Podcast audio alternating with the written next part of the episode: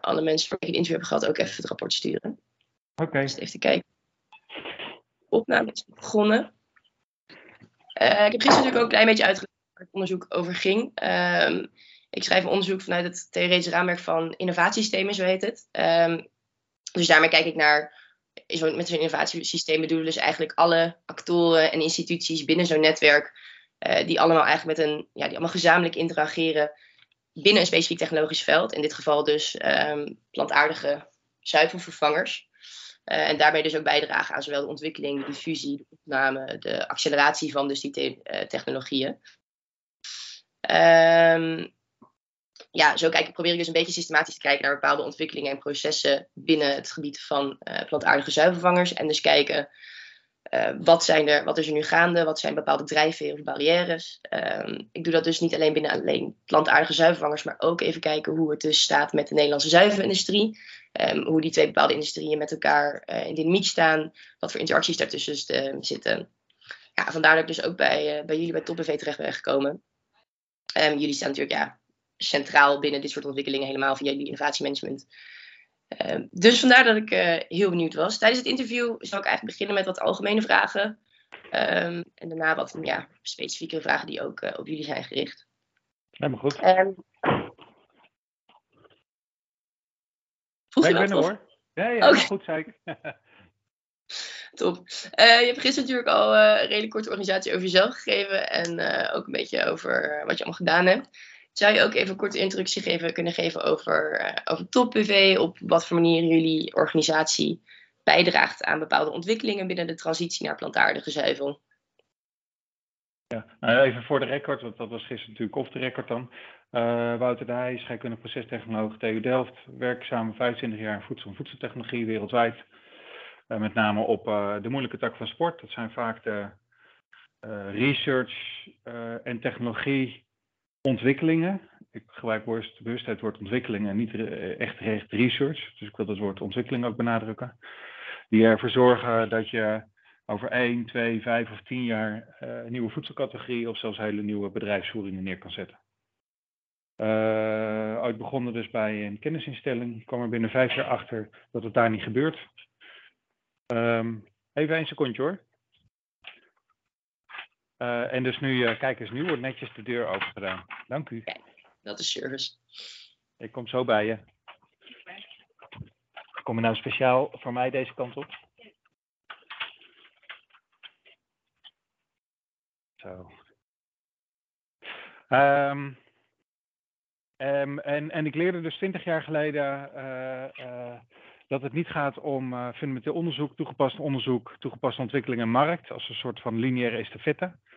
Uh, en tot op de dag van vandaag wordt, wordt, wordt door hoop actoren, met name in het publieke systeem, gedacht dat het zo werkt. Je doet fundamenteel onderzoek, dan toegepast onderzoek, dan toegepaste ontwikkeling en dan, uh, dan ga je naar de markt. Alsof het een soort van, van estafettestokje is wat je doorgeeft.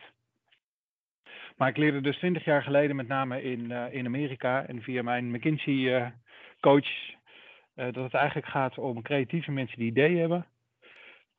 Dat ze in een do-modus komen. Dus dat ze dat idee proberen tot een prototype of tot een nulserie of, of iets te leiden. En dat je dan een eerste klant erbij zoekt. En dat je met die eerste klant probeert iets in de markt te zetten. Eerst kleinschalig, dan wat grootschalig en dan door laat groeien. En dan drie, vijf jaar later, dan komen onderzoekers en denken, huh, wat is er nou weer gebeurd? Waarom, waarom, is, het, waarom is het daar? Dus onderzoek volgt op toegepaste ontwikkeling en marktintroducties. En staat niet aan de basis van, uh, van ontwikkeling. Nou, daar kwam ik dus 20 jaar geleden achter. Dus dan kan je maar één conclusie doen als je bij een, uh, een publieke instelling werkt. Is namelijk voor jezelf beginnen. En daarom hebben we TopBV opgericht.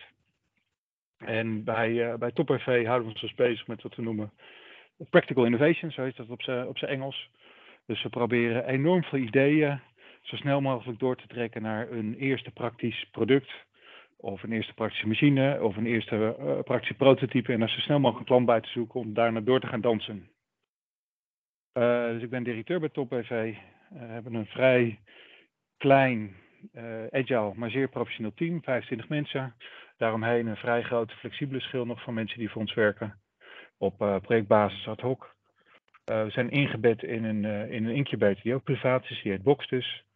En vanuit Box hebben we meer dan 45 bedrijven neergezet in de laatste nou, ongeveer 22 jaar. Uh, TopBV heeft daar een unieke positie in. we houden ons bezig met toegepaste ontwikkeling, zowel op voedsel als op machinetechnologie. En die combinatie is vrij uniek. als je met voedsel bezig bent, of het nou uh, vleesvervangers is, of echt vlees, of zuivel, of zuivelvervangers, dan is dat niet de wereld van de bits en de bytes. dus de digitale wereld. In de digitale wereld kan je een website maken of een appje maken. Maar als je met voedsel bezig bent, dan is het de wereld van de atomen en de moleculen. Moet je iets kunnen zien, moet je iets kunnen proeven, moet je iets kunnen, kunnen testen in de markt. En dat is uh, ja, een andere tak van sport en daar hebben we ons gespecialiseerd in. De helft van mijn team dus uh, zijn voedseltechnologen, microbiologen, productontwikkelaars, creatieve mensen. Uh, en de andere helft dat zijn werktuigbouwers en procestechnologen die ook voor kunnen zorgen dat het gebeurt in de praktijk. mensen van roestvrij staal wordt er dan gezegd, maar dus dat gaat vaak over machines. Nou, daar um, hebben we een, een dienstverlenende tak van gebouwd voor derden. en we hebben een als aandeelhouders gezegd dat we niet per se winst hoeven te maken. Klinkt misschien gek, want een privaat bedrijf moet winst maken, ook top BV. Maar eigenlijk alle winsten die geforecast worden, die worden gelijk in nieuwe innovatie gestopt. Dat betekent vaak in hoog risicovolle early stage trajecten, waar bijvoorbeeld een octrooi op aangevraagd wordt, of uh, iets waarvan je niet makkelijk kan begroten of het wel wat gaat worden of niet. En die IP, die intellectuele eigendommen, die octrooien, die, uh, die zitten bij Top BV. En de aandeelhouders van TopBV hebben het eerste recht om dat eruit te halen. En dat is een soort van, van dividenduitkering, zo kan je dat zien.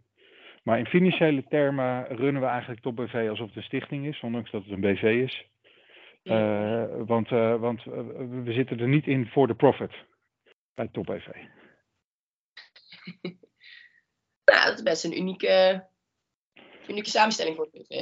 Je hebt het eerder gehoord. Uh, heel unieke formule. En die, ja, die, is, die is in ieder geval de Benelux. En ik, ik, ook daarbuiten ken ik niet echt plekken die er een beetje op lijken. Is, is echt inderdaad uniek. Ja. Zeker als je realiseert dat wij in Wageningen uh, duizend vierkante meter proeffabrieken hebben, laboratoria, uh, pilotlijnen, dus ook heel veel infrastructuur hebben, waar onze klanten, onze partners, start-ups, uh, ook gewoon gebruik van kunnen maken. Dus dat is ook gewoon vrij uniek. Ja, nee, inderdaad. En, um, jullie zijn natuurlijk binnen van alles en nog wat als het gaat om voedseltransities. Um, als ik even kijk naar puur uh, ontwikkeling binnen de plantaardige zuivel. Um, hoe zijn jullie daar voornamelijk actief mee? Ik zie dat jullie ook zijn aangesloten bij een cluster um, tijd. Zou je ook wat meer kunnen vertellen binnen dat soort activiteiten, uh, binnen dat innovatienetwerk? Ja, weet je, dat cluster, dat klinkt een beetje flauw, die zijn niet zo belangrijk. Die, dat is, dat is uh, uh, ja, goed bedoelde marketing, dat is zorgen dat kleine bedrijven ons weten te vinden en dat we daar een zitje aan kunnen geven, dat ze soms kunnen helpen, met name startende bedrijven. maar een cluster om het cluster, dat is zo 1990 of, of 1995 of in ieder geval uh, tig jaar geleden. Hetzelfde geldt voor Food Valley natuurlijk en al die andere, de, de Health Valley in Nijmegen. Al dat clustergebeuren wat dan ontstaat, dat is oud denken. Okay. Uh, jij, en ik, jij en ik zitten nu met, uh, met teams even met elkaar uh, dit gesprek te houden. en ik ben wat dat betreft echt wel een digital freak. ik zit op alle social media ik heb duizenden en duizenden relaties en connecties, honderden projecten die we wereldwijd doen. Uh, en uh, mensen die iets met elkaar willen doen, die vinden elkaar. Daarvoor hoef je geen clusters te organiseren en dat soort dingen. En dat is natuurlijk wel anders dan twintig jaar geleden. Twintig jaar geleden was er een maandelijkse netwerkborrel in, in Wageningen. En daar ontmoetten de, de, de hoge en de lage baasjes elkaar. waren namelijk erg voor mannen. Nu zijn gelukkig meer vrouwen erbij. En dan was het handig, dan was het handig dat er een soort van organisatie was die de borrel organiseerde. Want daar werden de toevallige ontmoetingen gecreëerd. En toevallige ontmoetingen zijn erg belangrijk voor nieuwe projecten en nieuwe innovatie, zowel inhoudelijk als relationeel. En nu werkt dat gewoon anders. Dus, dus nu, uh, zeg, echt, zeg zeker al tien jaar met, met, met, uh, met de appjes, de social media, de LinkedIn, En digitaal telefoneren kan je zo snel met één of twee stappen relaties opbouwen, starten, evalueren of ideeën uitwisselen. Dat die klassieke functie van die netwerkorganisatie die is kleiner dan ooit. Oké, maar wat je zegt is natuurlijk wel ook een manier om voor wat de, kleinere start-ups en de MKB's om ook uh, enigszins toegang tot een bepaald netwerk te krijgen. Precies van, nou, dat is, al, dat is ook wel over. Ja, maar dat is. Uh, uh, ik ga ook weer wat, wat lelijk zeggen. 10, 15 jaar geleden sprak iedereen over de wisdom van de crowd. En dat was een soort van metafoor dat als je honderd of duizend of tienduizend mensen een moeilijk ding vraagt, dat ongeveer de gemiddelde mening wel goed zou zijn. Uh, maar bij innovatie werkt dat niet zo. Innovatie draait om vooruitlopen, draait om vernieuwing, draait om nooit combinationen, zoals dat zo mooi heet bij Schumpeter. En draait om een, uh, een, een, DNA van mensen die een beetje onrustig zijn omdat ze iets willen veranderen en dat ook in de praktijk willen doen. Dus dat is, dat is, dat is niet alleen technisch inhoudelijk en netwerken, maar dat is ook een, een state of mind, als je dat Engelse woord wil gebruiken. En die state of mind, uh, dat, dat zit in, in bepaalde mensen en niet. En die mensen die dat hebben, die gewoon echt erg willen knallen, die, die, die, die, uh, die, die iets willen veranderen, of die iets willen maken, of die iets willen ondernemen, die, zijn, qua, die zijn ook vaak extroverter over het algemeen, niet zo introvert als een gemiddelde onderzoeker. En dus die vinden elkaar toch wel. Ja. En, en omgekeerd, als je op een klassieke manier MKB'tjes bij elkaar gaat brengen. Ik ben ook een MKB'er, hè? Don't misunderstand me. En, uh, dan in een zaaltje gaat roepen en dan een, een, professor aan het hoofd zet die zogenaamd gaat vertellen wat er allemaal kan. Nou, hartstikke leuk hoor. Maar daar, komt, daar komen geen nieuwe bedrijven, geen nieuwe innovatie, nieuwe producten komen daar nooit uit. En dus waarom verwijs ik net naar die wisdom of the crowd? Jij gaat in je onderzoek, weet ik veel, 10, 20, 30 mensen interviewen. Mm. En, uh, afhankelijk, en die steekgroep van die mensen die je gaat interviewen, die gaat bepalen wat er uit jouw onderzoek komt. En ik gok zo, ik weet het niet, ik heb de lijst niet gezien, dat jij een biased uh, steekgroep van mensen gaat, gaat interviewen. Uh, veel overheidsmensen, veel mensen die in, in, in stichtingen zitten, à la Food Valley, professoren en een paar beleidsambtenaren. Nou, beleid, eigenlijk is het vooral overheidsinstellingen en beleidsinstanties is, is moeilijk aan te komen. het zijn maar... vooral, vooral, veel agrarische bedrijven, veel mensen die binnen de, de plantaardige start-ups gaan actief zijn. Maar de, de, maar wel. Als je wil snappen hoe een ecosysteem werkt of hoe een ecosysteem uh, functioneel kan zijn, dan helpt het het niet om, uh, om de zesjes en de zeventjes in het systeem te gaan bevragen. Want die zullen of gaan klagen dat, uh, dat, dat het zo moeilijk is, of gaan, gaan zeggen dat, dat, dat het moeilijk samenwerken is, of dat ze allemaal gebrek hebben aan netwerk, of gebrek hebben aan geld, of gebrek hebben aan technologische hulp dus je, je, moet gaan kijken naar, naar wie is er. Uh, ja, wie zit er aan de top van, van dat, dat innovatieve systeem? En wat bedoel ik? Dat zijn toch vaak high-tech ondernemers. En dat zijn ja. zelden boeren.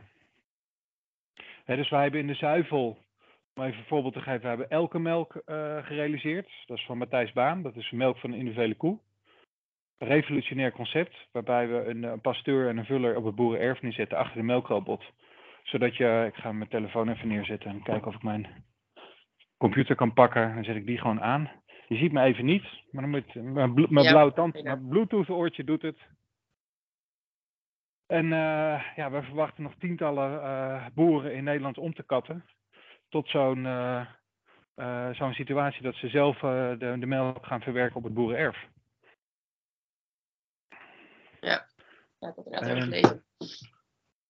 En uh, ja, de, de vraag is uh, waarom de Friesland Campina dat niet? Of Aware, de twee grote zuivelaars in Nederland. Dat is inderdaad een hele goede vraag. Uh, dat is ook een vraag die ik zeker aanpak in mijn, in mijn onderzoek. Um, ja, het antwoord is, is namelijk heel erg simpel. Um, het is voor hun te klein, ze geloven er niet in. En de mensen die werken bij Friesland Campina, die gaan voor zekerheid in hun carrière. Dat zijn halve ambtenaren, daarom werk je bij een multinational. En als je voor zekerheid gaat, dan wil je on onderzoek doen die alle onzekerheden als het ware wegneemt, zodat je later kan zeggen, ik heb alles onderzocht wat er is. En uh, uh, vanuit marketing en marktperspective uh, point of view. En, en weet je, de markt, de markt is zo klein, die, daar moeten we niet instappen, zeg je dan. Dat is ook logisch, want er zijn nieuwe markten. Dat is alsof Steve Jobs twintig jaar geleden zegt hoe groot is de, nou 15 jaar geleden pas, hoe groot is de markt van iPhones? Of tien jaar geleden zei hoe groot is de markt van iPads? Die was er niet. Ja. Dus wat je nee. gemiddeld nee, genomen ziet. Hm? Ja, nee, ga verder. Wat je gemiddeld genomen ziet, is dat uh, nieuwe markten die ontstaan door outsiders die toch die markt uh, uh, visionen, dus voorzien, daarin geloven, daarin stappen gaan zetten. En gek genoeg is het zo dat er parallel ook wel bij multinationals bijvoorbeeld, hè, dus ik noem net Friesland Campina als voorbeeld, wordt er vaak ook wel over nagedacht. Maar het blijft bij nadenken. Het blijft bij PowerPoints, het blijft bij heel druk, druk, druk, druk, druk. En nogmaals, als je gaat analyseren hoe dat komt, je zou zeggen, multinationals hebben alle geld van de wereld om dit soort dingen succesvol te doen. En toch is het zo dat ze uiteindelijk dit soort initiatieven maar gewoon overkopen, omdat ze het zelf intern niet kunnen. En, en, en wat daar meespeelt is dat, uh, en dan moet je eigenlijk teruggaan naar hoe hersenen van, van mensen in elkaar zitten. Er is een, een beroemd, een simpel hersenmodel van Ned Herman, Ned Herman Brain Dominance Theory, moet je wel eens naar kijken. In alle simpelheid wordt daar... Uh, wordt daar de hersenen van mensen in verdeeld in vier kleurtjes. Rood, geel, rood, geel blauw en groen. En mensen die heel erg op relatie gericht zijn, anderen zijn heel erg op visie en toekomstgericht, weer anderen zijn procedureel en sommige mensen zijn heel erg inhoudelijk. En wat je ziet is dat, dat, dat er in multinationals en in overheidsinstanties altijd een monocultuur in dezelfde type mensen ontstaat. Je neemt namelijk je vriendjes van je eigen netwerk als het ware aan. En bij uh, kennisinstellingen en overheden en universiteiten zijn dat heel, mensen die heel erg inhoudelijk zijn.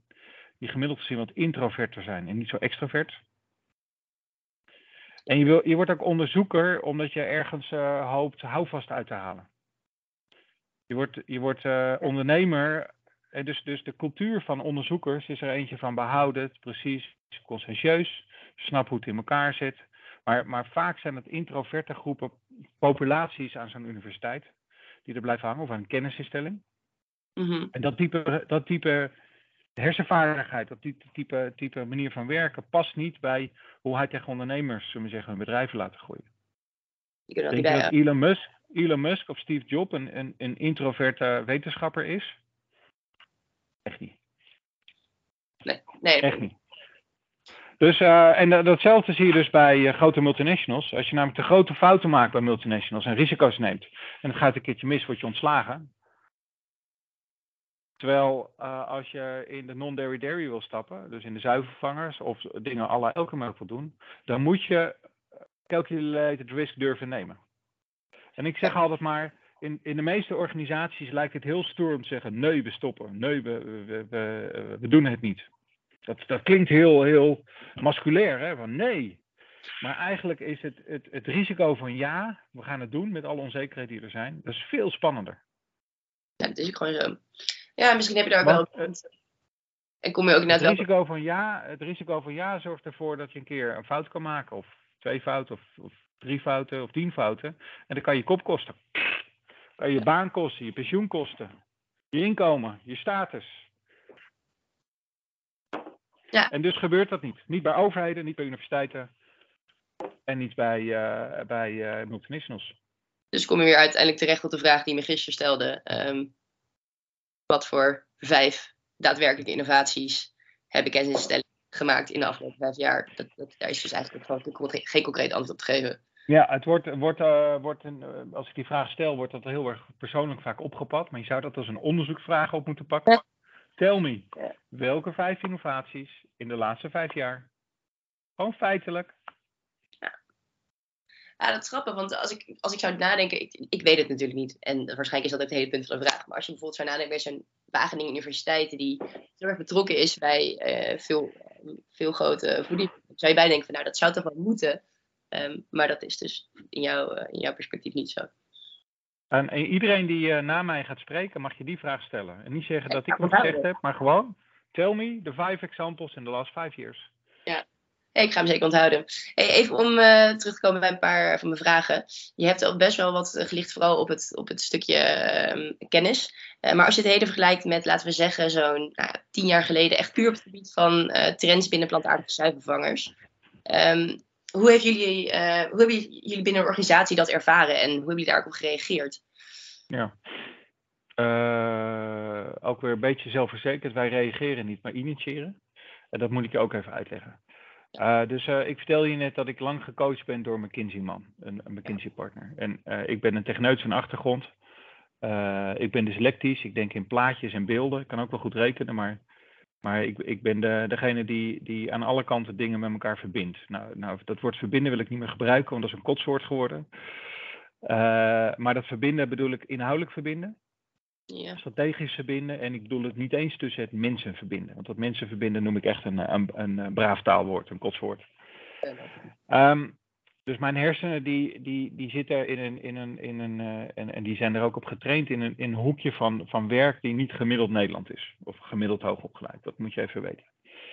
Um, terug naar die McKinsey-man. Die, uh, die, uh, bij McKinsey, daar lopen de, de briljante strategen over het algemeen rond, die 15 of 20 jaar vooruit kijken.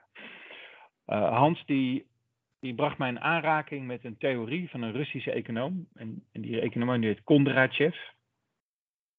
En de, die Russische econoom, die heeft in de jaren, ik weet niet precies, ik dacht jaren 50, maar daar kan ik me op vergissen geanalyseerd dat uh, hoe heeft het nou ge, uh, kunnen komen dat 200 jaar, noem het maar, industrial revelation, tot successen leidt, tot economische successen leidt, tot democratiseringsprocessen in societies, tot nieuwe technologie, tot nieuwe producten. En als je eigenlijk de laatste 200 jaar gaat kijken, ongeveer vanaf 1800, dan, um, uh, dan zie je dat we uh, uh, vijf, en inmiddels hebben we de zesde bijna achter de rug, zogenaamde economische boerperiode achter de rug hebben. Die worden cycli van Kondratjev genoemd, Kondratjev, google hem maar op. En die vijf cycli die duren 40, 50 jaar ongeveer. En, en die correleren met de opkomst van, van nieuwe bedrijfsvoeringen, nieuwe producten, nieuwe bedrijfsvoeringen. En het zijn altijd een paar mensen die mee starten dan uh, denken anderen van, oh shit, daar moet ik ook mee aan de gang gaan. Uh, dan uh, ontstaat er in 10, 20 jaar tijd hele nieuwe sectoren, nieuwe economische booms. dan vindt er weer consolidatie plaats, focus op efficiëntie, blijven de oligopolies over in die nieuwe sector. Dus dat zijn maar een paar spelers die, die de winner takes it all wordt dat dan genoemd. En dan is het een tijdje is het winter, economisch gezien, totdat er weer zo'n nieuwe periode aantreft. Nou, we hebben vijf van die economische bloeiperiodes gehad en in, 20, uh, eh, in het jaar 2000 zaten we zogenaamd op de top van de economische bloeiperiode. Dus uh, als je een forecast zou doen, dan zou je zeggen ergens rond uh, 2010, 2015 vindt er een downfall, wordt dat genaamd. Dus zo'n zo'n zo'n zo'n zo'n neergang plaats. Dat was ook, ook zo in 2008. en dus ook die, die cycli, die, die bleek wel een beetje te kloppen. Nou, ik, ik heb zelf, toen ik dat als jong ingenieur leerde, vond ik dat wel een mooie theorie en een mooie gedachte. En uh, ben daarna heel erg gaan kijken, oké, de vraag is niet, niet wat, wat doen we nu? Want dan heeft iedereen over AI en over digital en dat soort, dat soort bla bla geneuzel. Nee, what's next? Wat is de zesde of de zevende cycli van Kondratjev? Welke, welke enablers, welke technologie, welke maatschappelijke behoeftes of welke kansen liggen er dan? Daar moet je als ondernemer mee bezig zijn. Dus uh, ik, samen met mijn, mijn zakelijke partners proberen wij uh, meerdere keren met de poot op tafel een, een vooruitkijkje te geven van wat, wat gebeurt er in de samenleving over 15 of 15 jaar. Nou, uh, nou kan je heel cynisch zijn en zeggen glazen bol of niemand en dat klopt.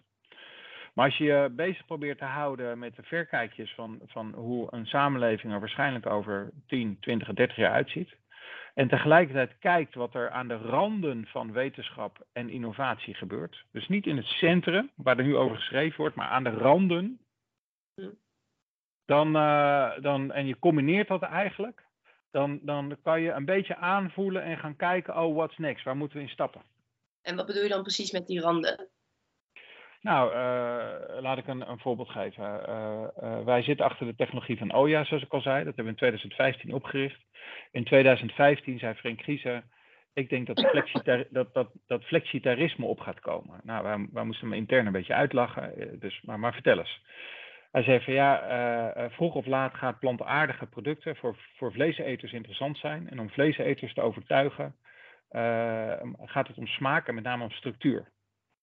Want echte diehard vegans die eten anders, een ander eetpatroon. En op dat moment was nog 98% van de Nederlanders at vlees of vis, en trouwens wereldwijd ook. En hij zei, als we, als we iets willen doen om impact te maken in het plantaardig domein, dan moeten we vleesvangers gaan, gaan ontwikkelen. Niet voor, vlees, voor vegans of vega's, maar voor flexitariërs. Nogmaals, die term die, ons, die bestond niet, hè, 15, 16 jaar geleden.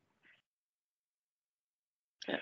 En zijn insight was, vlees is structuur, bite wordt dat op zijn Engels genoemd. Dus we moeten dingen gaan ontwikkelen met die bite erin, want dat met de peper en zout komt wel goed. Nou, dat was een, een manier van denken die, als ik je nu uitleg, kan je eh, de laatste vijf jaar eh, zie je dat in alle kranten verschijnen. Is het nu mainstream, die manier van denken. Maar dat was 17 jaar geleden werkelijk uniek. Ja, dat is echt een, een dat, is, dat is wat ik noem, dat leer je niet aan de universiteit, waar mainstream denken. Nee, dat is, dat is echt out of the box, uh, aan de randen nadenken over wat er gaat gebeuren. Dus, nou, dus um, uh, als je, als je eh, zo uh, denkt of probeert te denken, dus die forecast à la cycli van Kondratjev, schuine streep McKinsey. Je combineert dat met wat voor kennispuzzelstukjes missen we dan? En wat betekent dat voor toekomstige markten die kunnen gaan ontstaan? Ja, dat klinkt heel flauw, dan ga je aan de gang. Oké, en als je dat perspectief is zet op de plantaardige zuivel, hoe verwacht je dan dat binnen de komende vijf tot tien jaar zich dat gaat ontwikkelen binnen Nederland? Ja, dus, dus wij zijn uh, vijf, zes, zeven jaar geleden, toen nog helemaal niet over plantaardige zuivel gesproken wordt, hebben een vergelijk, vergelijkbaar programma gestart. En als je naar zuivel gaat kijken, zuivel is een, een immens grote sector. Uh, en uh, Friesland, als je Aware en Friesland Campina bij elkaar open, optelt, elkaar omzet, dan heb je het over, over geloof 15 miljard of zo, of, of 14 miljard aan omzet, dus echt heel groot. En die zuivelindustrie die bestaat deels uit, uit een, een, tak die wordt ingrediënten genoemd. Dus poeders zijn dat, dat zijn functionele ingrediënten. Daar zie je als consument helemaal niks van. Dan heb je een tak, dat is consumenten, uh, consumer products. van babymelk tot aan kaas en yoghurt tot aan melk. En die is weer te verdelen in wat heet private label en in, huismer in, in merken. Nou, dat is eigenlijk hoe de markt nu in elkaar zit. Um, wat er al, al tien, of tien jaar of langer als uh, zwaard van Damocles boven het hoofd van de zuivel hangt, is methaanemissie, is landgebruik, is toch de zweem van we gebruiken dieren.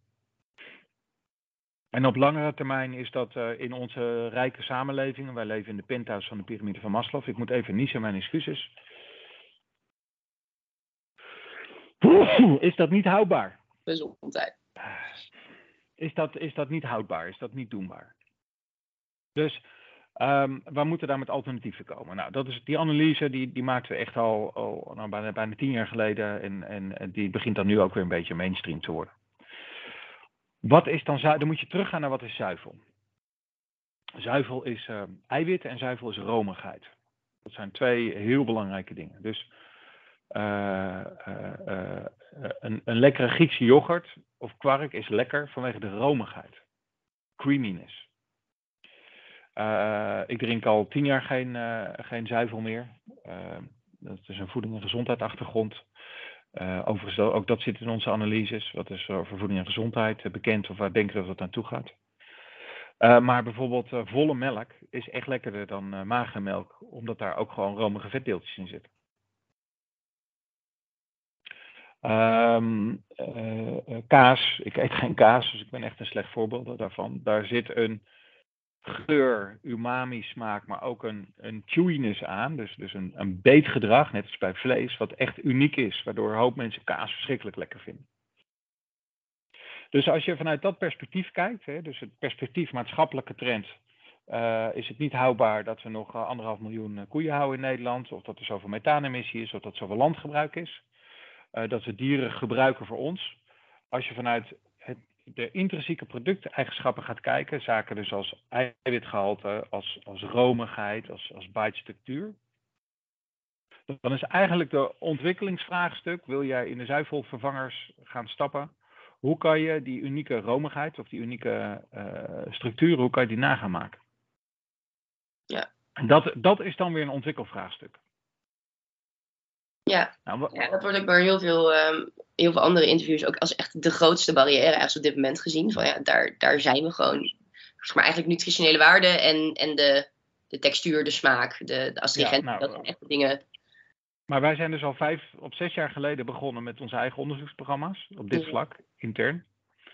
Het zijn ontwikkelprogramma's, en geen onderzoek, maar ontwikkelprogramma's. Want vaak zie je dat onderzoekers dan willen weten wat is romigheid of wat is structuur, maar dat is niet de vraag. De vraag is, hoe kan je die structuur mimiken, dus namaken? Of hoe kan je die romigheid namaken? Dat is een creatief ontwikkelsvraagstuk. Dat is geen onderzoek, dat is mhm. toveren noem ik dat. Dat is, dat is, dat is, uh, nou ja, dat is, dat is geen, geen wetenschappelijk onderzoek. Dat is heel gek, maar dat is het niet.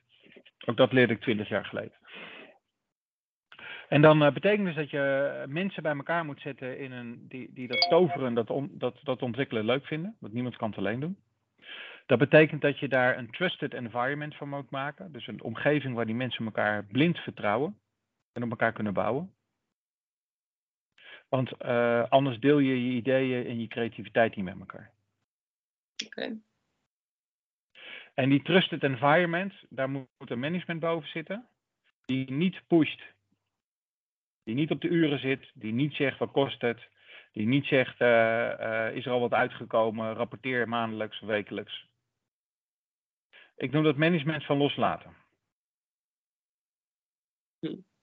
Kan je voorstellen dat je bij een multinational 5, 6, 7 multi FTE vrijmaakt en zegt ga maar doen wat je wil? Nee. Bij een multinational? Dat, nee. Dat is wat er nodig is.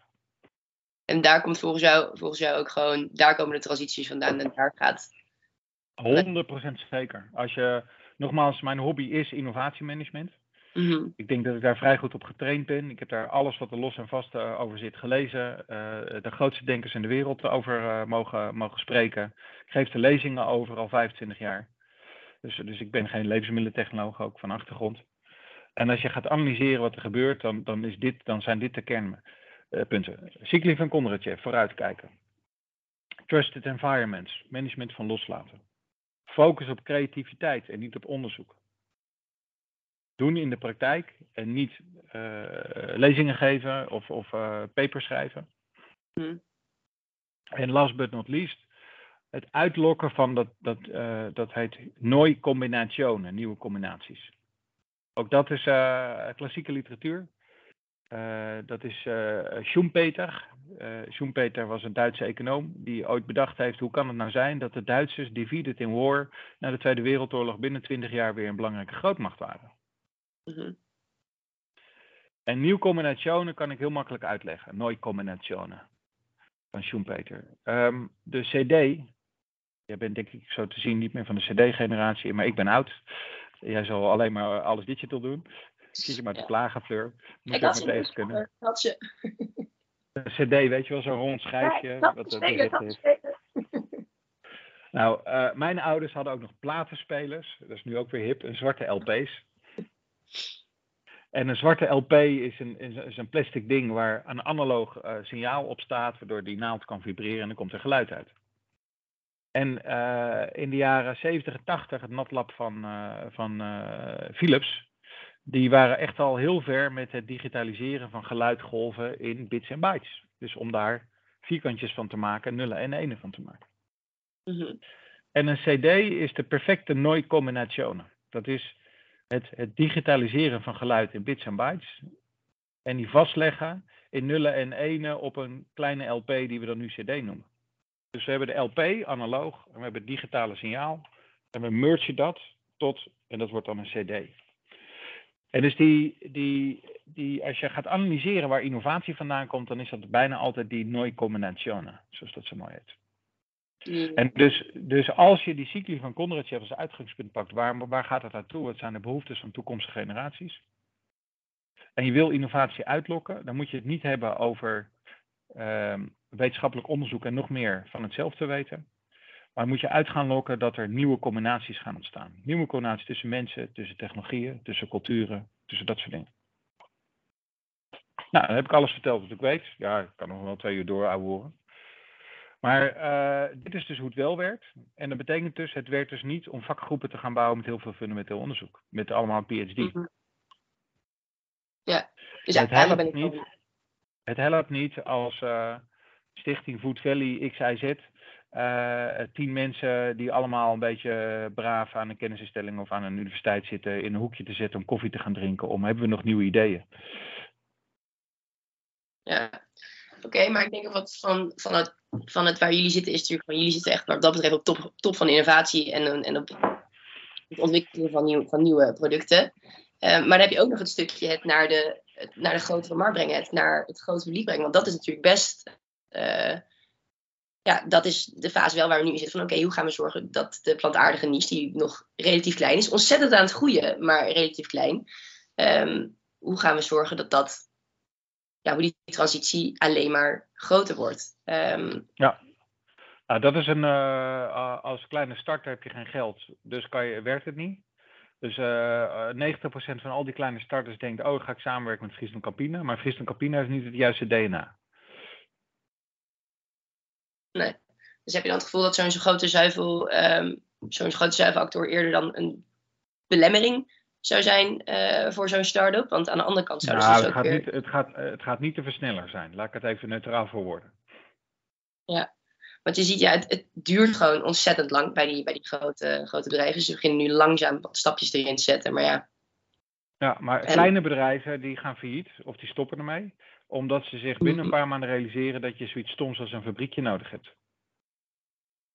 En om een fabriekje neer te zetten, eh, moet je een paar miljoen stuk slaan. Moet je ervaren gasten hebben die weten hoe je een fabriekje neer moet zetten, erbij halen. Maar ik heb die paar miljoen niet. Dus daarmee is het een financieringsvraagstuk geworden. Ja. Eh, je krijgt dat niet via een bank, je krijgt dat niet via een subsidie. Dus je moet eh, private investeerders hebben. Of, of early stage funds. Maar dat betekent dat je een businessplan moet maken. En dat je dat spel van starters moet durven en leren spelen. En die cultuur hebben we niet in Nederland. Al begint die te veranderen. Ja.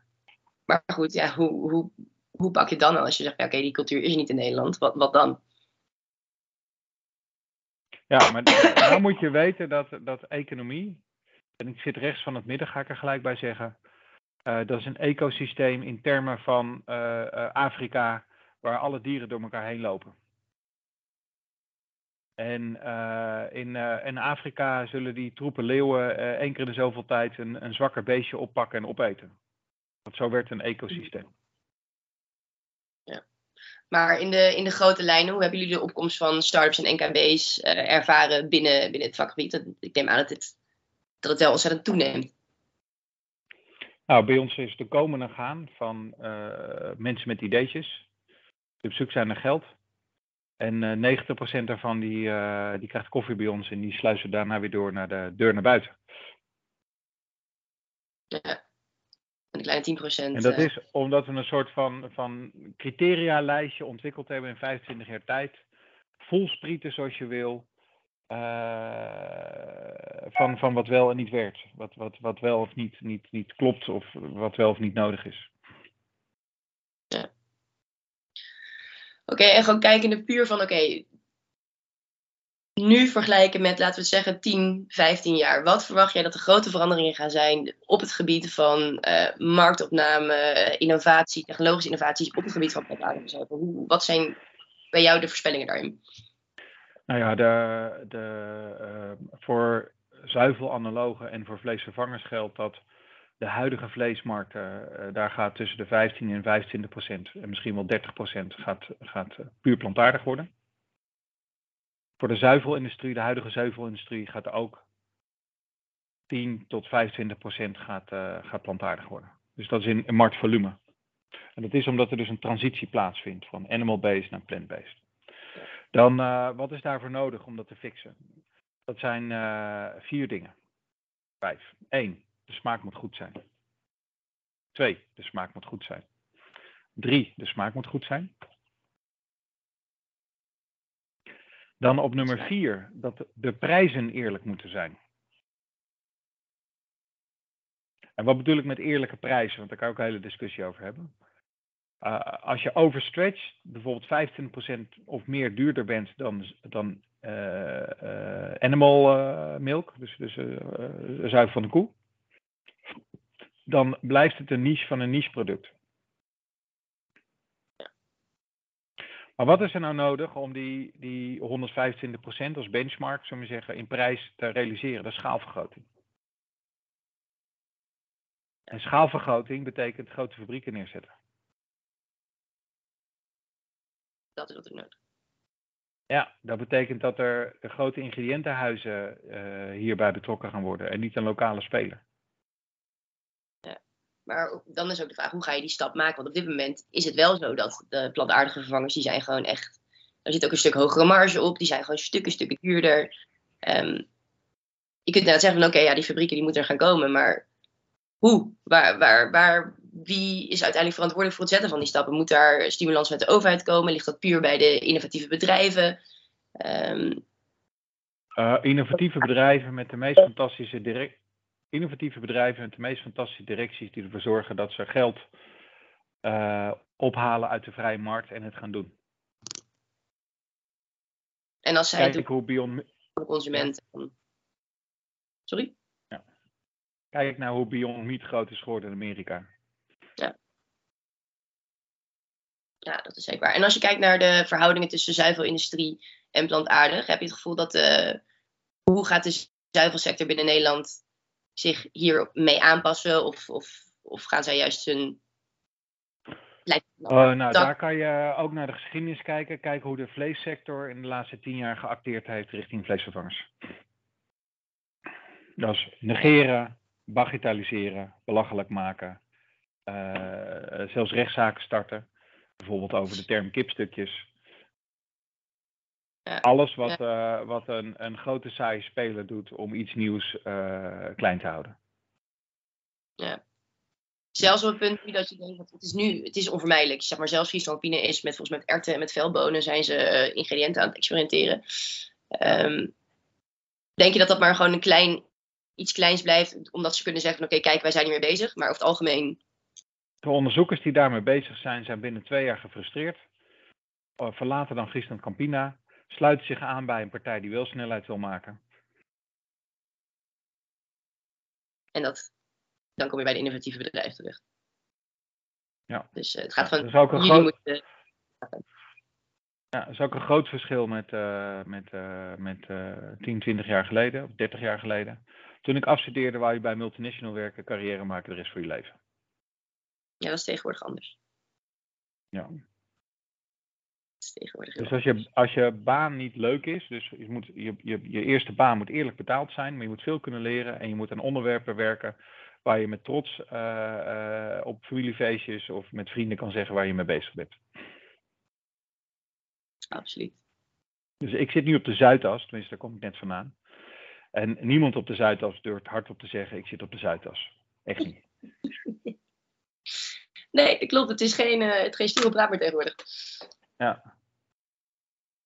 Even kijken. Um, ik ga heel terug op nog een Ik heb, uh, ja, je moet nog een paar vragen stellen, want ik, ik heb mijn tijd begint een beetje op te ja, uh, geraken. We, we, zitten, we zitten al aan het einde. Je hebt, uh, maar je hebt heel veel inzicht gegeven, dus dat is fijn. Um, even kijken, topinnovatie staat natuurlijk centraal tussen alle actoren binnen zowel, nou ja, wacht, wordt niet noemen, maar ik ga toch zeggen onderzoek, maar vooral ontwikkelingen ook binnen de eiwittransitie. Um, ik denk dat je eigenlijk antwoord al een beetje gegeven hebt. Maar heb je het gevoel dat de visies van, en verwachtingen van de betrokken actoren, dus als je kijkt naar zowel de grote zuiverbedrijven als plantaardige bedrijven, maar ook overheden, boeren, consumenten, onderzoekscentra, um, heb je het dat die visies voldoende op elkaar zijn afgestemd om ook uh, opname te gaan vergroten of tot acceleratie te komen?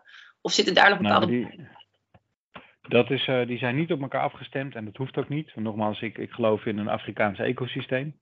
En niet in een uh, marktgeleide economie zoals de Russen dat uh, denken te hebben, of de Chinezen. Ja. Uh, dus dat is één. Het tweede is, boeren gaan voor de zoveelste keer pech hebben in hun leven. Want? er, is, er zijn vrijwel geen voorbeelden te noemen van boeren die hoger in de keten succesvol bedrijven neerzetten. Er zijn in Nederland nog 35.000 boeren en het aantal wat ik noem innovatieve boeren of tuinders is, is minder dan 50. Hmm.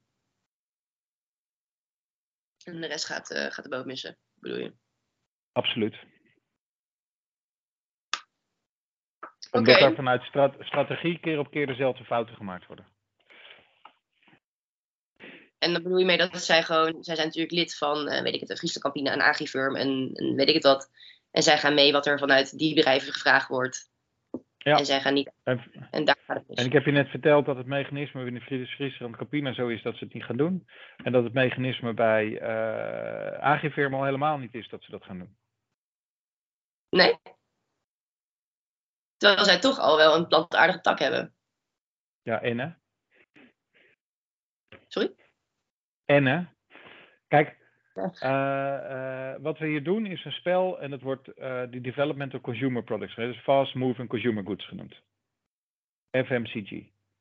Dat spel dat wordt beheerst door de, door de Kraft Heinze, de Unilever van deze wereld. Een heel klein beetje op dit moment door de Friesland Campina's van deze wereld, namelijk alleen de consumententak. De Nestle's van deze wereld. De Unilevers, de, de, de, de Coca-Cola's en de Pepsi-Cola's van deze wereld. Dat is een tak van sport die wordt food processing in combinatie met branding genoemd. Die food processing, dat betekent dus fabrieken, dat heeft echt niks te maken met de boerenerf of handel in, in erten, eiwithoudende erten of zo. Mm Dat is gewoon nog te klein allemaal. Dat, dat, gaat niet, dat gaat niet. Nee, dat is niet te klein. Het zit niet in de cultuur van die organisatie. Het komt steeds weer terug op DNA en cultuur van organisaties.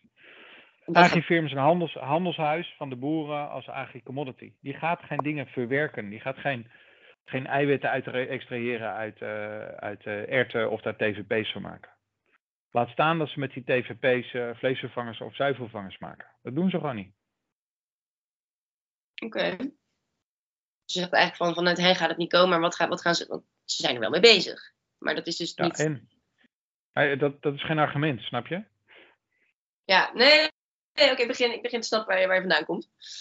Uh, even kijken, ik ga hem denk ik afronden, want we zijn ondertussen al drie kwartier bezig. Uh, ik wil je ten eerste heel erg bedanken, want je hebt echt de hele andere nieuwe inzichten gegeven. Uh, je hebt denk ik in je verhaal mijn meeste vragen beantwoord zonder dat ik ze heb hoeven stellen.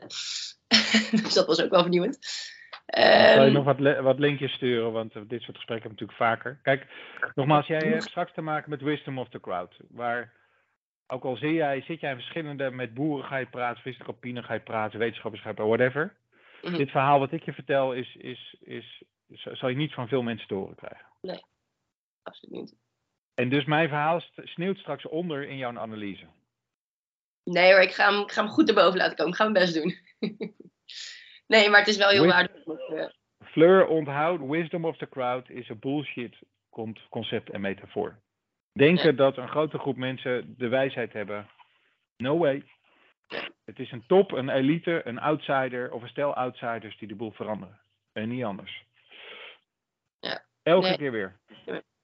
Ja, ik moet helaas wel op, uh, nog mijn wetenschappelijke scriptie schrijven. Dus die moet, ik moet hem helaas wel enigszins de wisdom of the crowd. moet ik wel ergens uh, toch gebruik van gaan maken. Um, even kijken, Wout, ik, ik heb... Je... Wat ja. je? Ja, ik heb nog één nee, vraag aan je. Heb je... Ja, doe maar. Sorry, volgens mij lopen we heel erg naast elkaar vast. Je hebt nog één vraag voor mij. Oh, ja, heb jij toevallig enig idee op wat voor manier ik in contact zou kunnen komen met uh, bepaalde boeren? Of dat nou akkerbouwers of juist de meer innovatieve boeren is? Het is misschien een te betwale vraag, maar uh, daar heb ik nog een beetje moeite mee namelijk. Zou je enig idee nou ja, er zijn, er zijn twee innovatieve boeren die je maar moet, uh, moet bellen. Eigenlijk drie. Mm -hmm. Ruud van Kipster. Ja. Ik heb kan hem. Ik wel mee in contact, kan ik wel mee in contact komen, brengen? Ja. Uh, Matthijs Baan moet je maar bellen van Elke Melk. Matthijs Baan, ja. Melkveehouder. Ja. En uh, Annegien te Haven, die uh, verbouwt onder andere lupine, maar die heeft 9000 varkens. Oké. Okay. Maar die verbouwt lupine en die zit ook altijd te denken, moet ik daar niet de eiwitten uithalen? Lupine is een sojavervanger. Oké, okay. en Annegien, top. Ik ga ze even, ik ga het even opzoeken. Dankjewel. Um, ja, voor mij blijft alleen maar over om je echt ontzettend te bedanken uh, voor je tijd. Het was voor mij heel erg waardevol. Heb jij nog vragen voor mij? Nee, je moet even, even die data doorgeven in je scriptie, wanneer je verslag klaar is en uh, wanneer, je gaat, uh, wanneer je je praatje gaat houden. Ja, dat ga ik zeker doen. Als ik, in de buurt ben, als ik in de buurt ben, als ik in de buurt ben en ik heb tijd, kom ik langs. Kom ik vervelende vragen stellen. Oh, dat mag. Doe maar, alsjeblieft. Maak het moeilijk. dat is helemaal Oké, hoi hoi. Hey, hoi hoi, fijn dag nog. Dag.